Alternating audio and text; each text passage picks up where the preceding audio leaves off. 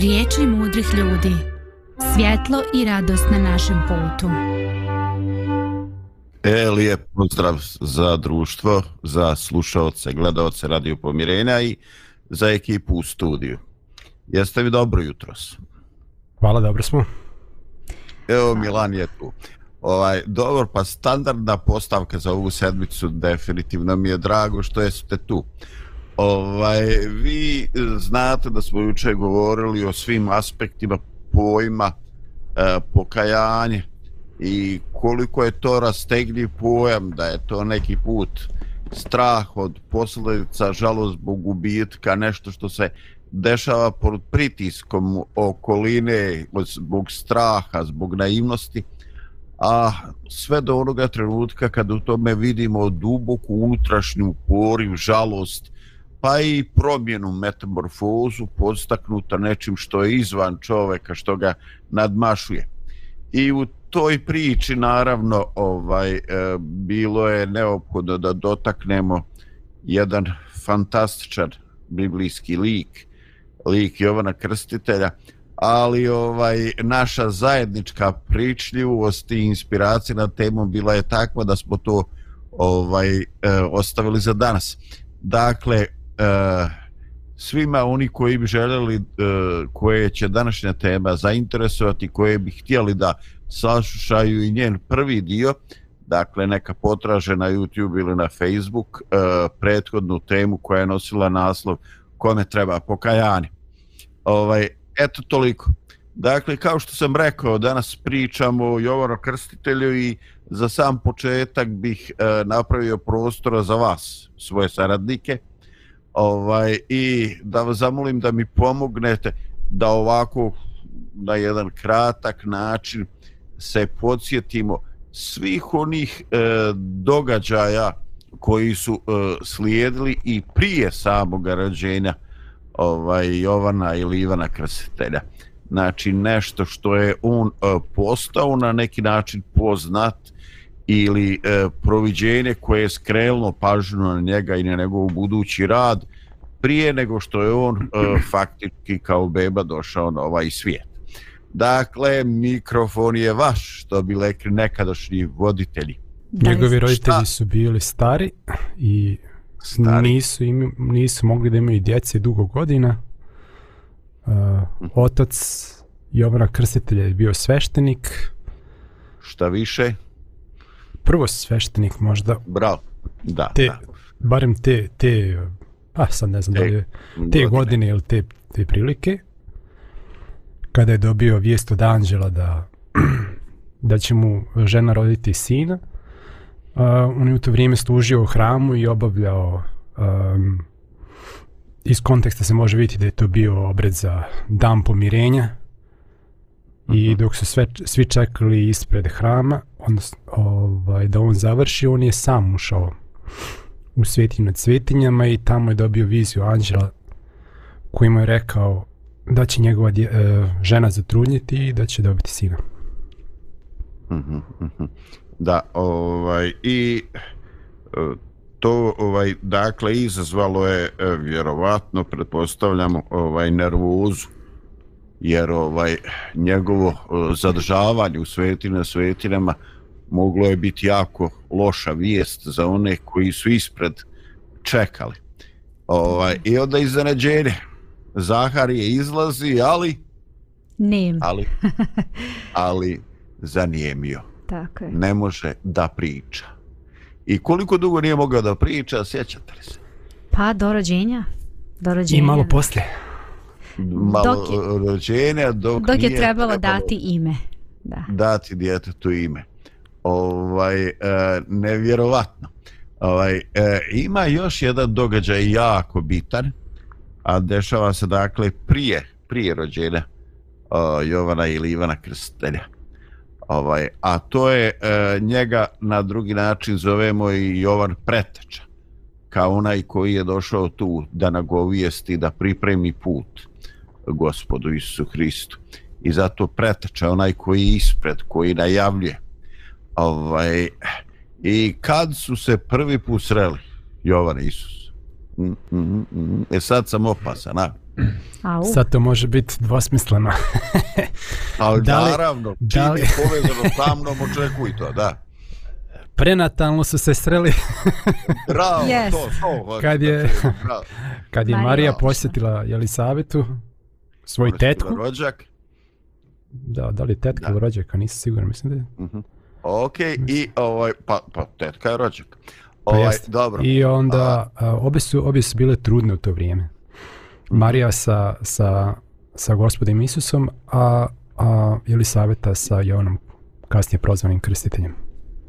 Dobro. I šta kaže, osjetih? Da dete igra u tebi. Mm. Da je dijete oživilo. Ko je to rekao? Jelisaveta. Jelisaveta? Da, da. Da, da. Da, zato što ovaj, da, dakle, i sama trudnoća Marine je bila uh, vrlo uh, da kažemo, naravno to je bilo nešto što je ovaj od Boga bilo, ali to je njoj tako značilo da je ona ovaj ne, na neki način da je saveta njoj dala podršku u tom smislu podršku a, koja je bila potrebna, a koja je u stvari bila nešto što je Bog rekao ili savjeti bukvalno da, da izrekne, da kaže Mariji.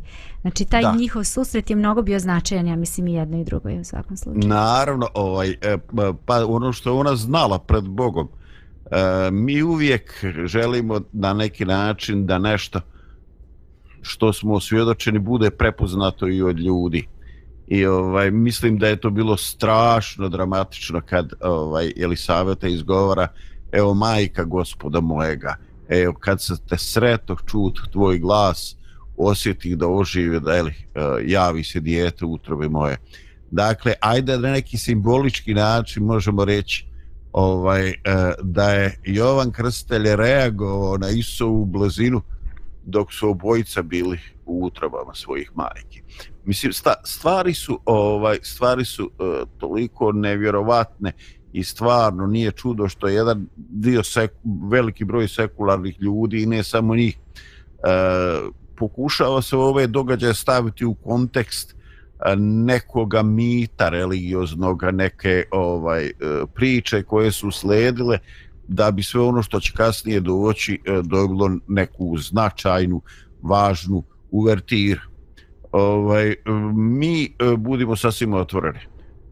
Kao ljudi koji vjerujemo u Božje objave, nemamo nikakvi sumnji.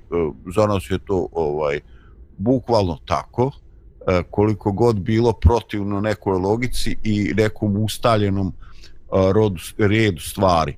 Dakle, e, u Isovom rođenju, životu, začeću, nema ništa obično, ali vidjet ćemo ovaj, i u samom životu Jovara Krstitelja, iako on ima biološkog i oca i majku, puno ti stvari koje jednostavno nisu dio jednog prosječnog sastavnog života ovaj i jednostavno ovaj tu je nešto što čovjeka eh, šokira.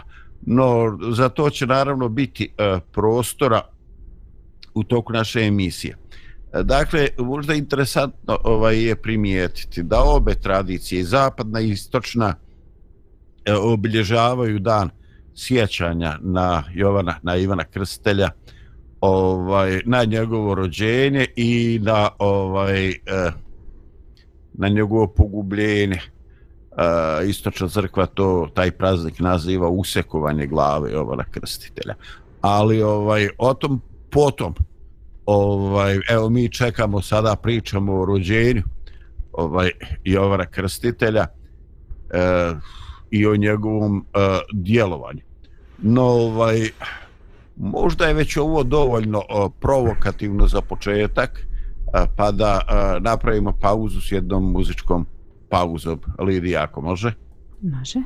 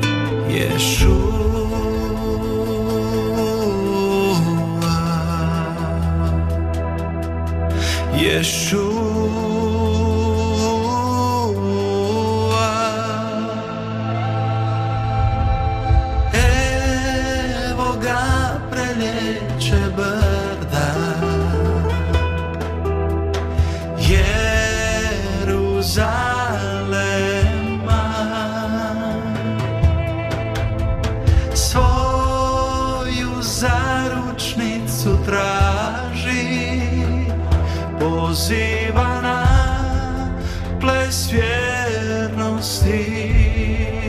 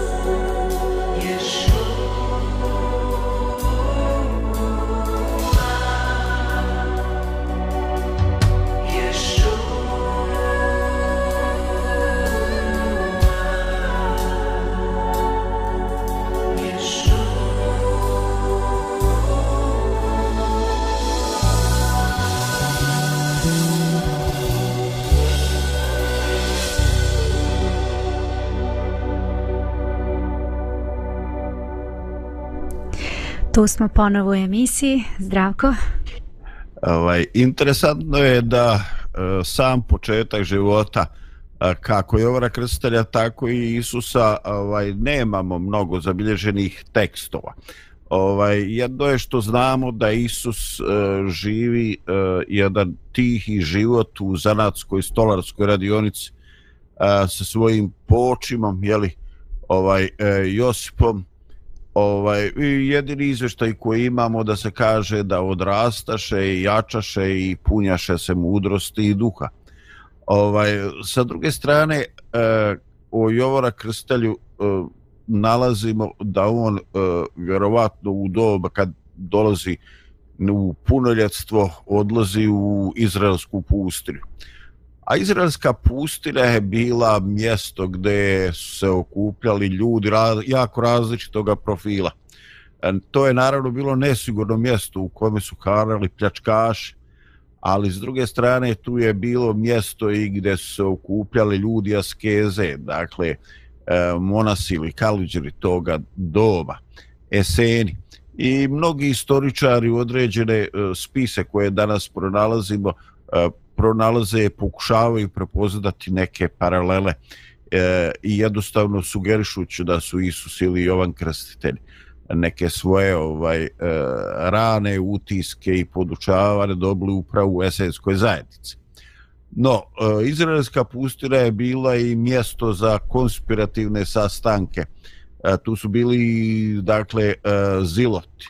Jedna onako nacionalno predeljena frakcija E, koja se nije toliko bavila carstvo nebeskim, oni su vjerojatno željeli da ono dođe, ali smatrali su da oni prije toga imaju puno posla ovdje na zemlji, da im treba revolucija i da im treba e, da se jednostavno oslobode e, tog stranog jarma rimske okupacije. Dakle, sam narod je bio ovaj isfrustriran, podijeljen različitim frakcijama, E, pod e, pritiskom tuđe vlasti, ubirane poreza e, domaćih ljudi koji su se stavljali u službu te strane vlasti i ne može se reći da je to bio period u kojem je narod živio lijepo. Određene pobune koje su se dešavale bi po kratkom postupku bile krvavo gušene od Rimljana. U jednom takvom dakle okruženju dolazi Jovan krstitelj e, ovaj, sa jednom vijesti koja je šokantna. I on će reći, pokajte se jer se približi carstvo nebesko. Mi smo jučer pričali o pokajanju kao unutrašnjem potrebi, kao porivu, kao nešto što se dešava pojedincu. Međutim, e, Jovan e, krstitelj se dakle se obraća pojedincu, ali on razlog za poziv, za užurbanost, za hitnost svoje poruke E, pronalazi u nečemu što je globalno dešavanje koje se tiče svih. Ovaj, eh, ajde malo da testiram eh, sličan, da li koliko slično razmišljamo. Eh, sa kojim starozavjetnim ličnošću ili prorokom je ovo ovaj slično? Znači čovjek koji nagovještava neke krupne sudbonosne e, promjene. E, čovjek opominje o dolasku nečega, što se ni po čemu ne može logički zaključiti da će doći. Je li imate asocijaciju? Pa rekli bismo... Danas se nešto igramo asocijacije. Da, i poznavanja biblijskog teksta. da, rekli bismo možda prorok Ilije, to je neka moja asocijacija, on mi je onako mhm, -huh, baš... Može, može, može, a ima još žešće ovo, on nagovještava nešto što se ni po čemu ne može, ni, nema nikvi znakova da će se to desiti. Pa imamo i drugih proroka koji su isto tako to nagoveštavali. Znači, Milane, već sad pada Milane, nekoliko imaš, njih. Da. Milane, imaš li ti nešto onako? a, ovaj put ne mogu da odgonetnem. A, ne možeš da pogledati stvarno, mislim, ne, stvarno, vi ne možete da pogledate šta ja mislim. Mislim, mislim stvarno, ne znam šta. Kako ne možemo da pogodimo tvoje taj misli? Dar, pa stvarno. taj dar, baš tam rako ovaj uh, u, u, uvrijeđ, znaš kao kažu u onom filmu, uvrijeđao sam kao čovjek i kao komunist. ovaj, dobro, šalim se. Ovaj, uh, pa, uh, otac Noe, on je nagoveštavao potop čoveče i mm. stvarno djelovao ljudima, e, buraz nisti normalan. Da, ono je nagoveštavao potop, a i... Još radi, radi, yes. čera, čita u familiji. Ali je ovaj nagoveštavao spasenje, čoveče. Približi se carstvo nebesko, znači carstvo nebesko je, to je, to je ovaj, kako bi rekao, dramatično nešto.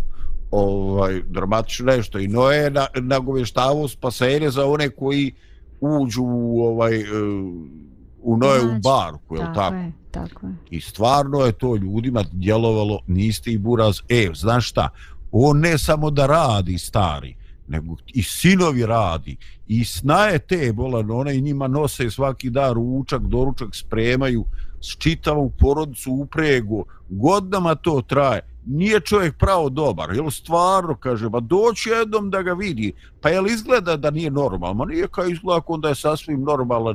Ali et, et, on uporno već godinama sprema tu neku bar. Ovaj, e, da jednostavno neki ljudi kad slijede ono što im Bog traže, ne djeluju baš logični ovaj, svojim savremenicima. I vidjet ćemo da je to tako bilo i kod Jovara Krstitelja.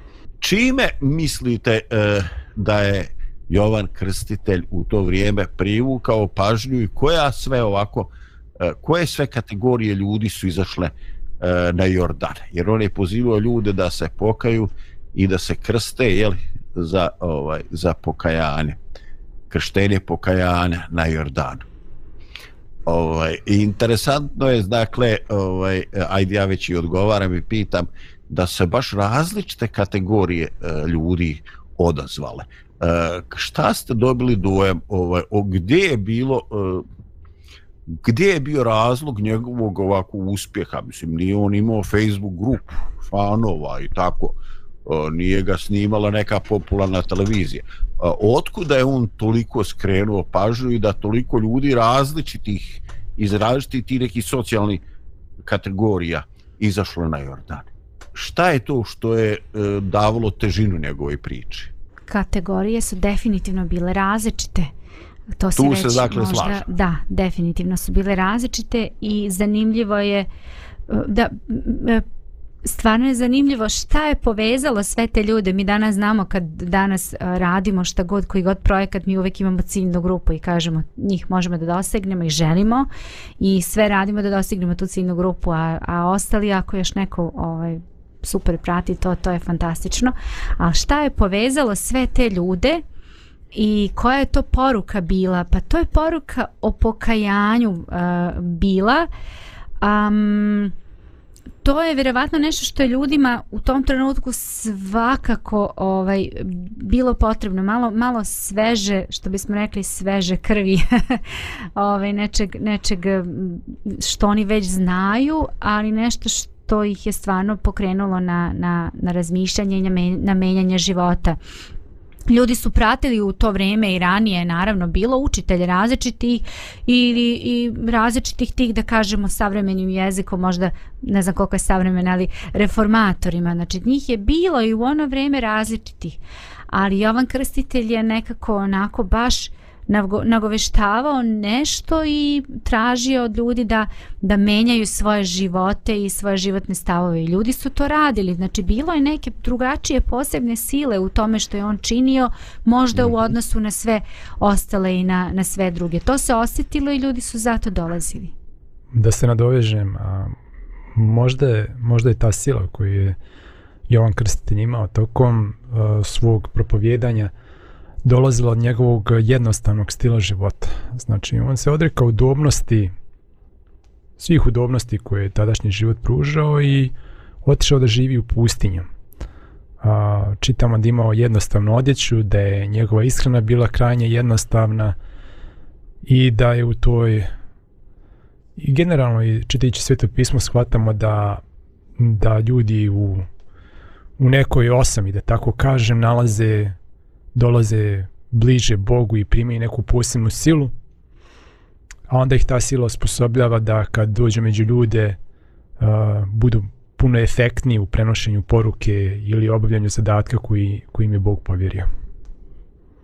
Oni se, znači, ili se izgrade ili puknu skroz, polude od te osme.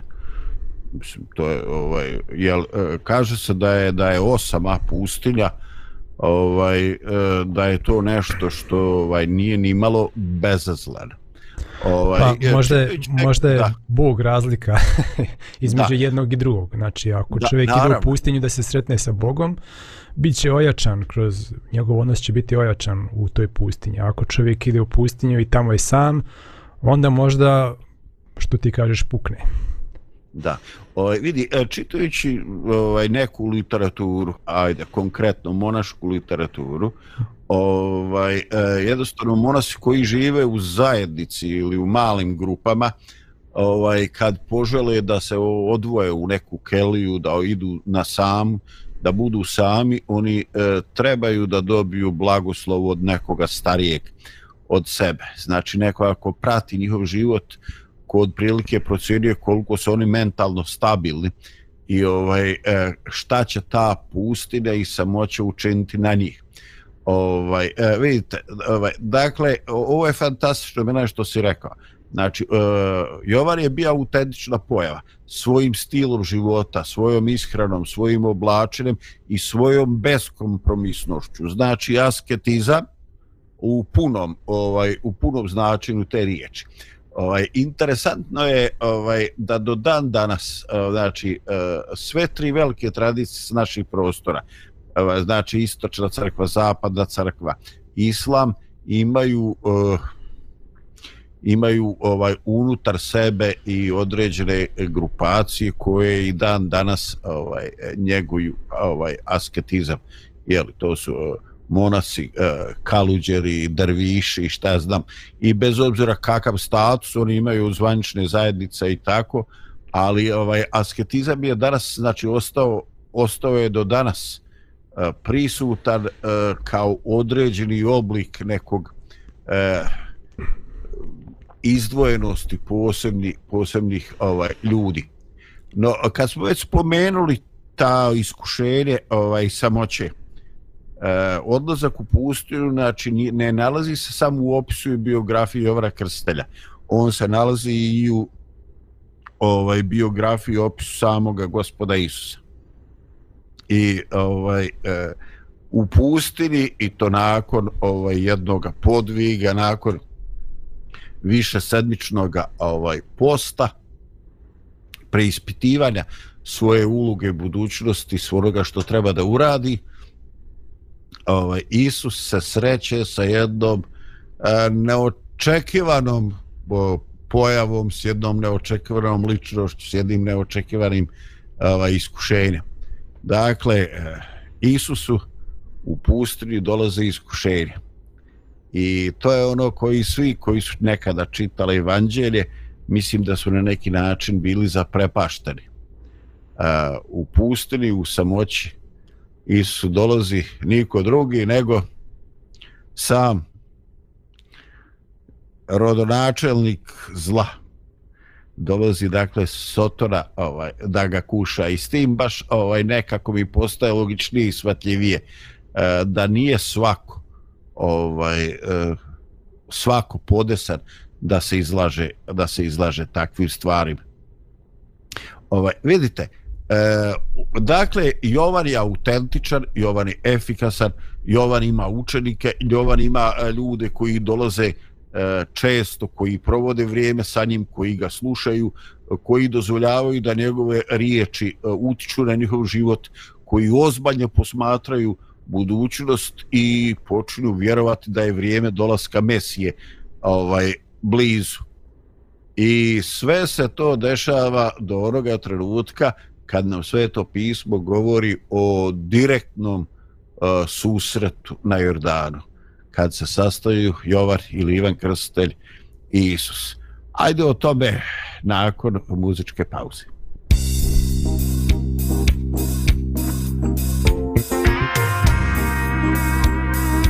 Radio Pomirenje.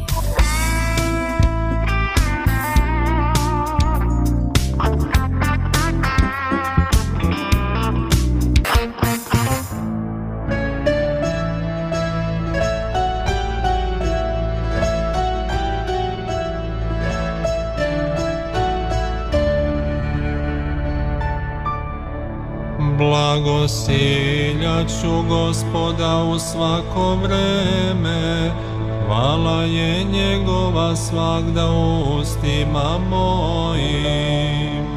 Gospodom će se hvaliti duša moja, neka čuju kratki i obraduju se. Aliluja, aliluja, tebi Bože. Uzveličajte gospoda sa mnom i uzvišujmo ime njegovo zajedno. Traži gospoda i usliša me i od svih nevolja mojih izbavi me. Aleluja, aleluja. Slava tebi Bože. Pristupite njemu i prosvetlite se, i lica vaša neće se postideti. Bojte se gospoda svi sveti njegovi, jer nema oskudice onima koji ga se boje. Aliluja, aliluja, aliluja, slava tebi Bože. Ostraži jezik svoj od zla i usta tvoja da ne govore laž. Ukloni se od zla i čini dobro i traži mira i idi za njim. Aliluja, aliluja, aliluja, slava tebi Bože. Oči su gospodnje na pravednima, a uši njegove na molitvu njihovu. A lice je gospodnje na činitelje zla, da istrebi sa zemlje spomen njihov. Aliluja, aliluja, aliluja, slava tebi Bože. Zavapiše pravednici, gospod ih usliša i od svih nevolja njihovih izbavi.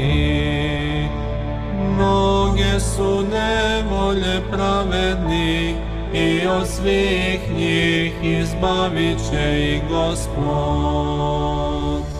Aliluja, aliluja, aliluja, slava tebi Bože. Čuva Gospod sve kosti njihove, nijedna od njih neće se satrti. Izbavit će gospod duše slugu svojih i neće se prevariti svi koji se uzdaju u njega. Slava Sinu i Svetome Duhu i sada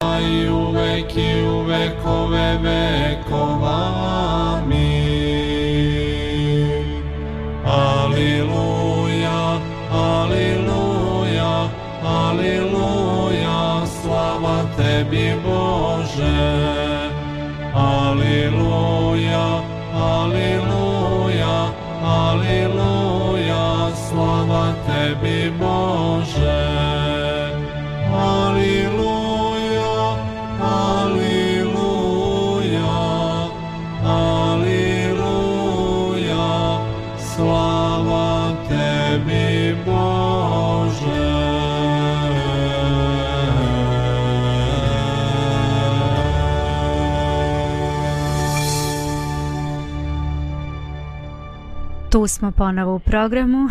Zdravko. Hvala Lidija. Ovaj, eh, htio bih koliko god da je poruka Jovara Krstelja bila beskompromisna, koliko god da je ono što se dešavalo u vremenu pre nego što je on rođen, kao Milan kaže u prednatalnom dijelu, učinilo svoj dio posla i kad je ovaj eh, kad je Jovan Krstelj propovjedao, pozivao, vjerujem da su se javili neki stari ljudi i rekli pa znaš on je sin prvosveštenika Zaharija, pa znate vi da je njegov otac bio za vrijeme službe potpuno zanijemio, da je progovorio kad mu je trebalo dati ime, da ga je dobio tako pozno kad više nije bilo onako nekih racionalnih, uh, nije bilo racionalno očekivati da će njegova majka začeti, da će ga roditi i tako, baš je rođen e, kad se to više nije bilo neke racionalne nade. I znači sve ono što je se dešavalo prije, ljudi su povezivali i obratili su pažnju. Ali e, dok god je Jovan pričao ovaj, i koliko god ljudi e, usmeravali pažnju na njega, ni njegove riječi, ni njegovu biografiju, on je e, govorio da je on samo onaj koji dolazi ispred, da iza njega ide neko mnogo veći i to je ovako baš na jedan slikovit način kaže nisam dostojan odriješiti remenje na njegovoj obući. E, govoreći e, i nagovještavajući e, na jedan e, način primjeren tome vremenu ko dolazi iza njega. I onda taj trenutak dolazi i dolazi jedna od dvije e, Jovanove nedoumice koje bih htio da mi danas malo e, da se podsjetimo, da razmišljamo o tome, da izvučemo neke zakonitosti kad se radi o čovjeku, u njegovoj psihi, o njegovom životnom putu i o njegovim iskušenjima. Dakle, prvo iskušenje Jovara krstitelja ovaj, e, među masom koja dolazi na Jordan da se krsti. Pojavljuje se jedno lice i Jovan Krstitelj, e, naravno, e, osposobljen od ozgo, vidi da to nije jedan iz serije. I on prepoznaje ko stoji predanjem. i on izgovara riječ koje, koje zaista oslikavaju njegovu duboku nesigurnost. I on kaže ti mene treba da krstiš. Ovaj, e, interesantno e, Jovan se veoma brzo povlači ovaj, kad mu Isus kaže valja nam ispuniti svaku pravdu. Ovaj i on e, kršava Isusa ovaj i tad je e, tad je ovo se dešava ono ovaj krštenje je li? Isusovo ovaj e, i pri prije projavljivanje one riječi u je sin moj koji je e, po mojoj volji i sletanje goluba ili duha Božjega u obliku goluba.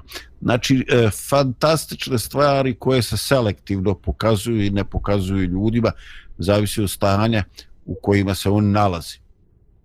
I posle tog događaja Jovan nastavlja sa svojom ulogom i on veoma dobro svata da to što se dešava u običnom narodu je ograničenog dometa ako to ne zahvati čitavo društvo. I u jednom trenutku on prelazi sa uh, tih nekih opomena i poziva na pokajanje e, koje je upućivo u svojim učenicima, ljudima koji su dolazili na Jordan, uh, on u jednom trenutku svaćajući koliko truje opštu atmosferu, uh, upućuje uh, to i tadašnjem uh, vladaru koji uh, ima ženu svojega brata pokojnoga. Ovaj, I toga toga stavlja ovaj u zatvor. U zatvor gdje mu prijeti velika opasnost jer on zna ovaj da je njegova popularnost e, velika a njegov dušmanin ovaj zna da ga to može koštati i želi da ga učutka. E, interesantno je e, da se tada dešava druga nesigurnost Jovanova koja otkriva njegov ljudski lik i on preko svojih učenika šalje poruku Isusu. E, sjećate se šta je bila ta poruka? Čitali ste, to, to sam siguran. Jesi li ti? Ili drugog da čekamo. Da. ovaj, e, kako ste vi to doživjeli? Ja, ja to, ovaj, ja sam bio malo onako iznenađen kad sam to prvi put čitao, ne znam pre koliko je to prije puno godina. Ovaj, zar posle svega, zar posle krštena na Jordanu, e, šta se to desi u čoveku? Znači, on nije izrazio ovaj, nevjerstvo, on je samo tražio potvrdu. Šta se to dešava sa čovjekom? Šta se to dešava sa ljudskim umom? E, da li je tu problem što mi imamo određenu e, scenariju koji očekujemo, pa sad kad se nešto dešava ovaj drugačije, ili, ili imate li možda neku drugu ideju? Eto, to je prvo što je mene palo na pamet. Pa ja ne znam šta je Jovan očekivao, ali uh, Jovan je čitav svoj život posvetio svojoj službi. I to ima a, svoju cijenu. Mi nemamo izveštaj um, u biblijskom tekstu, niti u nekom drugom tekstu, bar ja nisam pročitala, da je on imao porodicu, da je imao decu, da je... Znači on je živao nekim usamljenim životom i čitav svoj život je posvetio tome da pripravi put nekome drugome. I on nije imao problem sa tim, on je tako živeo, on je o tome propovedao, on je o tome govorio i kada su ga ljudi ovaj pitali e,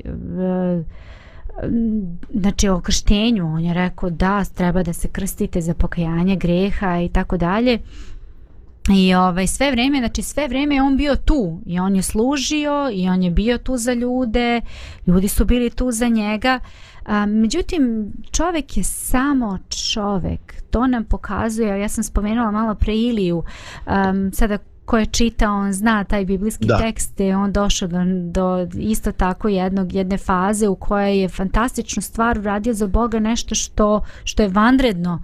Ne bih sad išla u detalje, ali Naravno. hoću da kažem da i, i u toj priči imamo to isto, znači isti taj element, to se isto ponavlja i kod Jovana Krstitelja, to se isto ponavlja i u našem životu. Juče Bog deluje fantastično, znači čini super stvari za mene, a danas ja već potonem kao da nikad nisam imala nikakvo iskustvo s Bogom. Pitam se, Bože, gde si? Pa zašto sad ovo ovako? Pa šta se sa mnom dešava? Mi smo svi samo ljudi i Bog to razume i shvata i hvala mu na tome i što nas nekako uvek podupire i, i daje nam nekako hrabrosti da možemo da guramo naprijed. Super Lidija. Evo pazi, nikad mi to nije palo na pamet, ali zaista je blagoslov ovaj, što je proveđenje ostavilo zapisano ovaj tu nedumicu ili nesigurnost Jovanovu.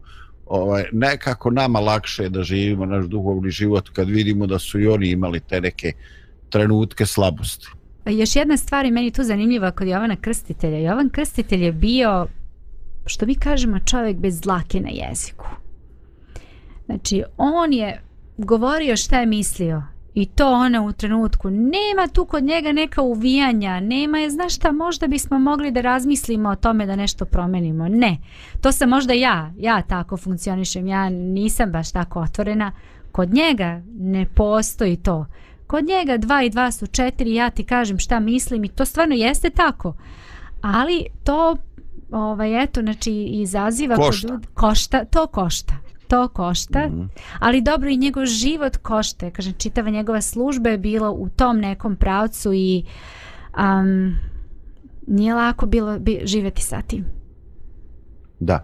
Ovaj, interesantno kad uh, učenici dolaze i kažu Isusu ovaj, Jovaro ovaj, pitanje, ovaj, on ne kaže da mu oni kažu aj bolan šta se utrtao, pa šta te stiglo, pa ovo i ono, ovaj, on ne kaže ni potvrdu, ni da, ni ne on kaže samo mu reci šta se dešava kakvi su znaci e, i sve će mu biti jasno. Pusti ga neka sam prevlada svoju kruizu pusti neka ovaj, donese svoj zaključak. Ovaj, e sada e, došli smo do jedne situacije e, i do jedne izjave koja je ovako baš mene mane fascinira ovaj, e, u, negde u tim trenucima kad je bila ta Jovana Nedumica Isus će izjaviti i dati jednu izjavu koja je ovako baš fantastična i nisam siguran da li uspijevam kao čovjek da dokučim svu slojevitost njenog značenja.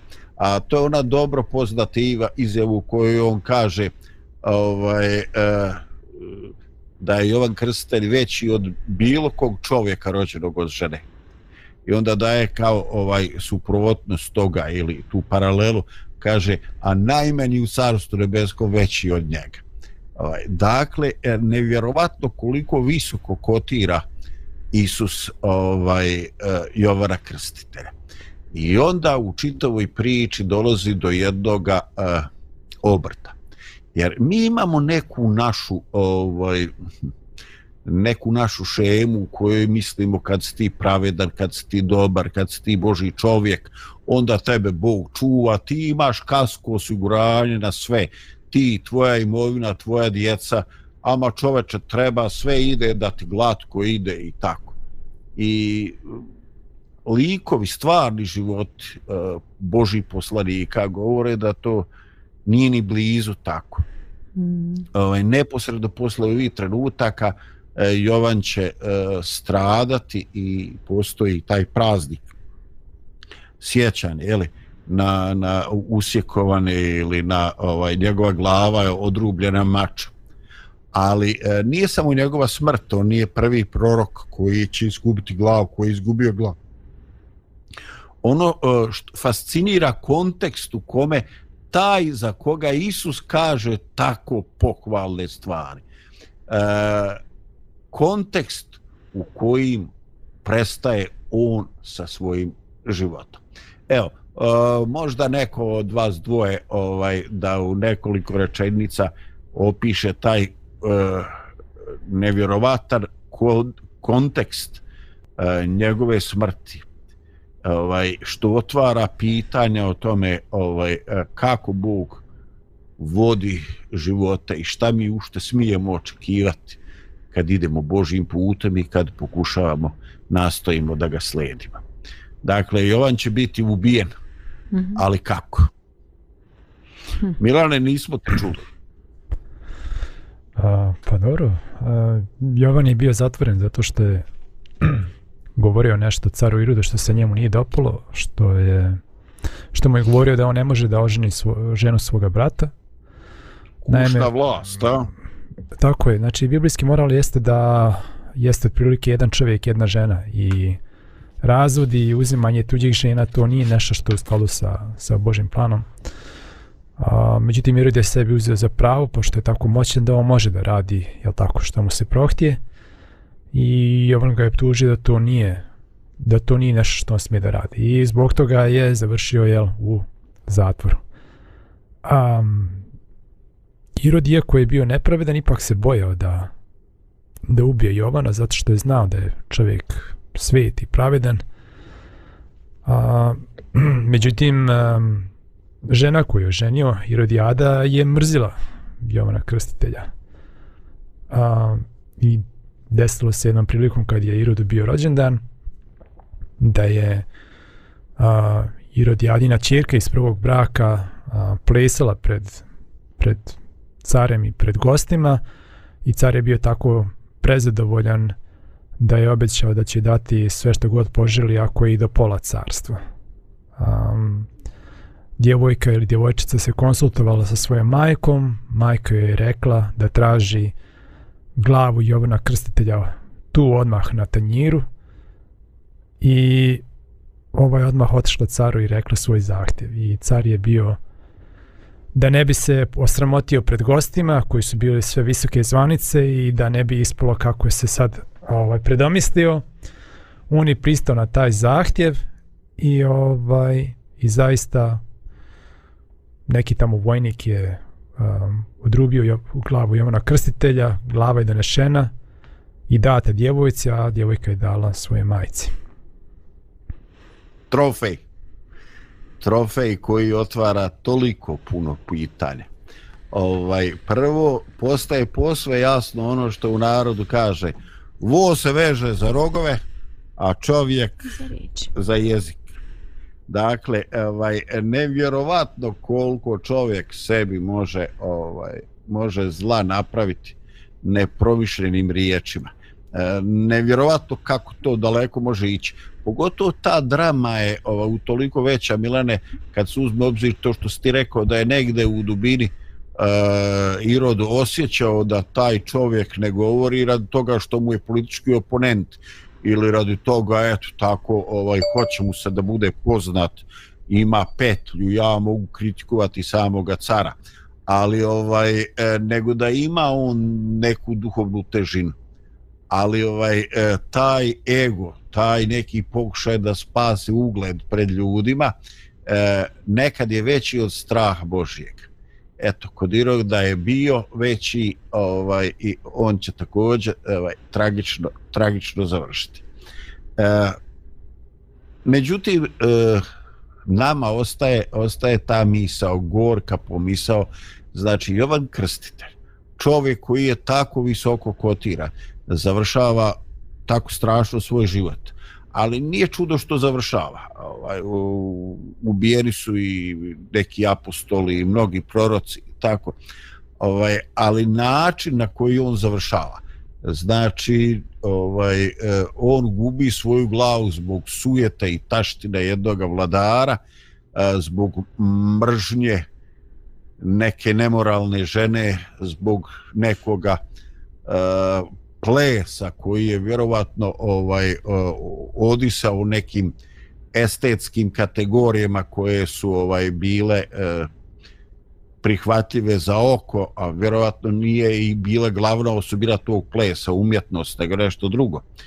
Ovaj, I znači, e, dvije nemoralne žene e, dolaze glave prorok E, mi ne možemo reći da je to bilo bez Božjeg znanja ili bez Božjeg dopuštenja. Da, mi možemo slobodno reći da je to bilo uz Božje dopuštenje. Šta možemo zaključiti? Pa da je Jovan Krster završio svoju ulogu i da ga Bog povlači sa zemlje. Zašto na takav način?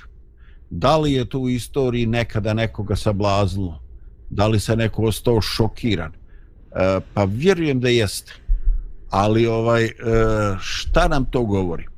I imamo li mi pravo kad e, vidimo neku sudbinu kad vidimo neke ljude za koje smo mislili smatrali da su dobri da su pobožni da su ono i onda se njima ili njihovoj porodici dešavaju neke strašne stvari bole saobraćajke.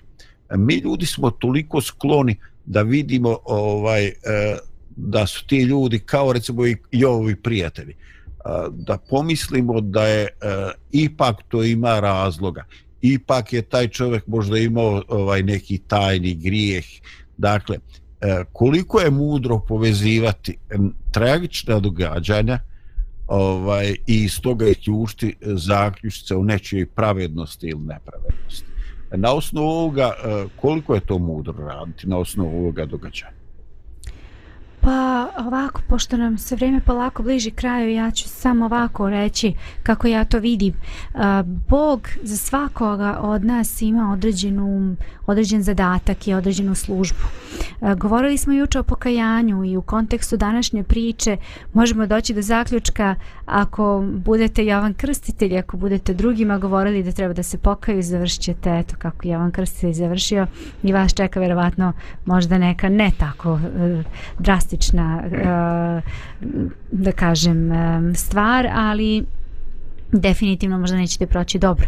Ali s druge strane hoću da kažem drugo. Uh, znači mi smo pozvani da da a, radimo ono što mislimo i što smatramo da je ispravno, što nas Bog osvedočava da je ispravno i da je dobro. To je radio Jovan Krstitelj. Um, to trebamo i mi raditi. Šta će se nama biti, u kom pravcu će ići naš život, mi to ne možemo znati, niti mi o tome odlučujemo, ali definitivno da ako budemo rad, činili eto onako kako nas Bog nekako upućuje da trebamo da živimo i da radimo, a to su uglavnom te dobre i pozitivne stvari, a s druge strane možda i opomeni i savete drugima, to je onda prava stvar. Ne možemo uticati na rezultat toga, ali možemo definitivno da, da, da radimo ono što Bog od nas zahtjeva i da budemo srećni i zadovoljni, jer to zaista jeste ono što, što je prava stvar. Da, ovaj, pa ovo zaista ovaj, eh, zaista riječi na koje ovaj, ne bi imao ništa dodatno da komentarišem, ne znam, Milan. Pa evo, znači Jovan Krsetelj je prerano završio svoj život i koji je bio pravedan. Car Irod koji ga je koji dao da se ubije i sam prerano završio svoj život i mhm. izvještaj navodi da je to zbog toga što je bio nepravedan. To možemo jednom drugom prilikom. A, mhm. Kako i na koji način je završio. Ali uglavnom nije umro u starosti od neke, neke bolesti, već je Be, već je umro zbog, tog, zbog Božje kazne, zbog svoje nepravednosti. Dakle, vidimo i jedan i drugi slučaj. A također, Isus spominje jednom prilikom kako je neka kula pala na neke ljude i da ti ljudi nisu bili ništa grešniji od drugih ljudi. Od drugih stanovnika Jerusalima koji, Bravo, koji nisu da. poginuli. Što znači da, da prerana smrt ne znači, ne mora da znači ništa. Može da znači da je neko završio zato što je bio pravedan, može da znači zato što je bio nepravedan, a može da bude tek slučajnost, da tako kažem, a, u smislu da da taj čovjek nije bio niti nešto pravedniji, niti nepravedniji od drugih ljudi koji ta prerana smrt nije zadesila. Da. Ima Milana i ona izjava, ovaj kaže, pred zlo se uzima pravednik, da jednostavno da Bog pred neko velike tektonske neke poremećaje, velika neka globalna zla, sklanja neke ljude čiju psihu želi sačuvati od nekih stvari. Ovaj, I to možda može biti uh, utiha ljudima koji su nekoga ovaj, izgubili, ali i pozivne preispitivane. E, I evo ja bi polako privodio kraju ovaj e, ovo naše današnje razmišljane e, toliko e, inspirisano e, takvim jednim e, rekao bi e, nada sve e, rijetkim životom i neko, jednom nevjerovatnom e, biografijom. Ako, mogu samo da se umiješam na trenutak, evo neću više dvije rečenice. A, sad možda sad možda može nekome da izgleda da pa u čemu je onda smisao služenja Bogu i biti pravedan ako možda završiš kao i onaj koji je nepravedan? A, znači sa, sa, sa aspekta ovog života čini se da nema puno smisla je tako? Međutim moramo imati taj aspekt vječnosti u vidu da naspram hiljada i, i miliona godina koji će, koji će spaseni provesti u vječnosti, to da li je nečiji život završen par godina ili decenija ranije ili kasnije ne igra veliku ulogu. To igra veliku ulogu za one kojima je ovaj život koji na ovoj zemlji sve, ali s Božeg aspekta gdje je ovaj život tek priprema za onaj budući, a dužina života na ovoj zemlji nije od pretiranog značaja, već je bitnije kako ćemo to vrijeme koje imamo da proživimo i da li ćemo ga živjeti po Božoj volji ili u grijehu. Tako je. Mhm. Pa mislim da je ovo sasvim korektan završetak e, današnje emisije. Evo, ja iz početka sa zahvaljujem ovaj, Lidija, tebi i Milanu na saradnji, a i svima onima koji su nas e, pratili ili će odslušati snimak ove emisije živi i zdravi bili i razmišljajte o velikim ljudima koji su ostali zabilježeni. Pa čak kad u njihovim životima i biografijama postoje podaci koji izbunjuju promisao Božija prevazilazi našu logiku i kao što je Milan rekao nešto što djeluje kao poraz ili gubitak u nekom vječnom kontekstu može biti ovaj e, e, završni čin e, pobjede i triumfa iako nama ljudima djeluje kao stravičan gubitak kao smrt eto ima još puno u životu da učimo koliko će nam Bog dati vremena ne znam ali želim vam lijep dan i dan u kome ćete imati svjetla izvana i iznutra u srcu lijep pozdrav od Radio Pomirenja. Thank you.